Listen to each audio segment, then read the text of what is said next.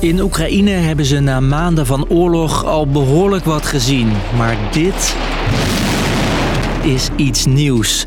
Het is het geluid van een drone, een kamikaze-drone, waarmee Rusland de laatste week Oekraïne aanvalt. I think it's terrible. I couldn't sleep all morning and then I heard the second one. It just comes out of nowhere. Het is een nieuwe strategie van de Russen, met dank aan Iran. Die levert ze. Wat zijn die drones precies en waarom komt Iran hiermee? Ik ben Jasper en dat leg ik je uit. Lang verhaal kort. Een podcast van NOS op 3 en 3FM. Kamikaze. Die naam kregen Japanse piloten in de Tweede Wereldoorlog. Als ze met een vliegtuig vol explosieven zichzelf vrijwillig lieten crashen. Ze vertrouwden hun ziel toe aan de keizer en werden, nog voor ze vertrokken, in de boeken vermeld als gesneuveld.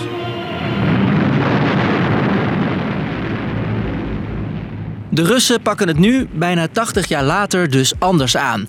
Geen kamikaze-piloten, maar kamikaze-drones. Die worden afgeschoten in eh paren van vijf vanaf een eh, vrachtwagen. Technisch vrij simpel.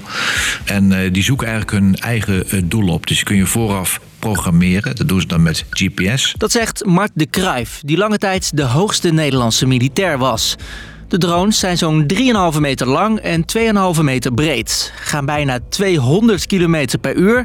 En het belangrijkste, er hangt 40 kilo aan explosieven aan. En als ze bij een doel komen, dan storten ze zich naar beneden. En dan proberen ze het doel te vernietigen. Vandaar kamikaze drones. Volgens Oekraïne heeft Rusland er al zeker 2400 gebruikt. Maar waarom gebruiken ze juist nu deze drones, na acht maanden oorlog? Een belangrijke reden volgens de Kruif, de Russische voorraad raakt op. Rusland heeft behoefte aan spullen, aan uitrusting, aan materieel en aan wapens. Een nauwkeurige raket kost al gauw miljoenen. Zo'n kamikaze drone kost maar 20.000 euro en is ook nog eens super effectief. De Russen zouden mikken op energiecentrales en volgens Oekraïne is al een derde van die centrales verwoest. Het is een nieuwe strategie van Rusland, vermoedt de Kruif. Dat zou erop kunnen duiden dat ze met een winter die eraan komt... dat ze hopen dat er eh, waarschijnlijk vluchtelingenstromen op gang komen... of dat het moreel van het Oekraïnse volk wordt eh, gebroken in deze oorlog. Dat is het effect wat ze zoeken. De drones maakt Rusland niet zelf. Het is een type Sahed 136 uit Iran. Dan denk je misschien, huh, Iran, waarom leveren zij wapens aan Rusland? Nou, de twee landen helpen elkaar wel vaker. Het is niet dat ze echt strategische partners zijn, maar ze zijn eh, goede vrienden waar het uitkomt. Dat zegt Iran-deskundige Erwin van Veen. Na de oorlog met Irak, waarin Iran zwaar onder vuur kwam te liggen, besloot Iran flink te investeren in wapens. En omdat ze ook nog eens heel goed zijn in nieuwe technologie, zijn ze voor Rusland de ideale drone dealer. En ze hebben gewoon een goed ontwikkelde technologische industriële basis in Iran. De Iraanse regering ontkent trouwens dat ze Rusland helpen.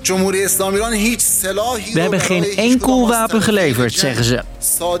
Toch zijn volgens de New York Times speciale Iraanse militairen van de Islamitische Revolutionaire Garde in Oekraïne gezien. En die zouden daar zijn om problemen met de drones op te lossen. We saw how this pulse it looks like something. Deze week zijn steden door heel Oekraïne aangevallen door dit soort drones. Een deel is door Oekraïense afweersystemen uit de lucht geschoten. En ook militairen proberen ze neer te halen. Maar is dat effectief? Je hoort de kruif weer. Je kunt nooit alles onderscheppen en eh, dat zie je ook. Eh, en dat komt door twee dingen. Aan de ene kant is Oekraïne ongelooflijk groot. Dus je kunt nooit alles beschermen. Dat gaat je niet lukken.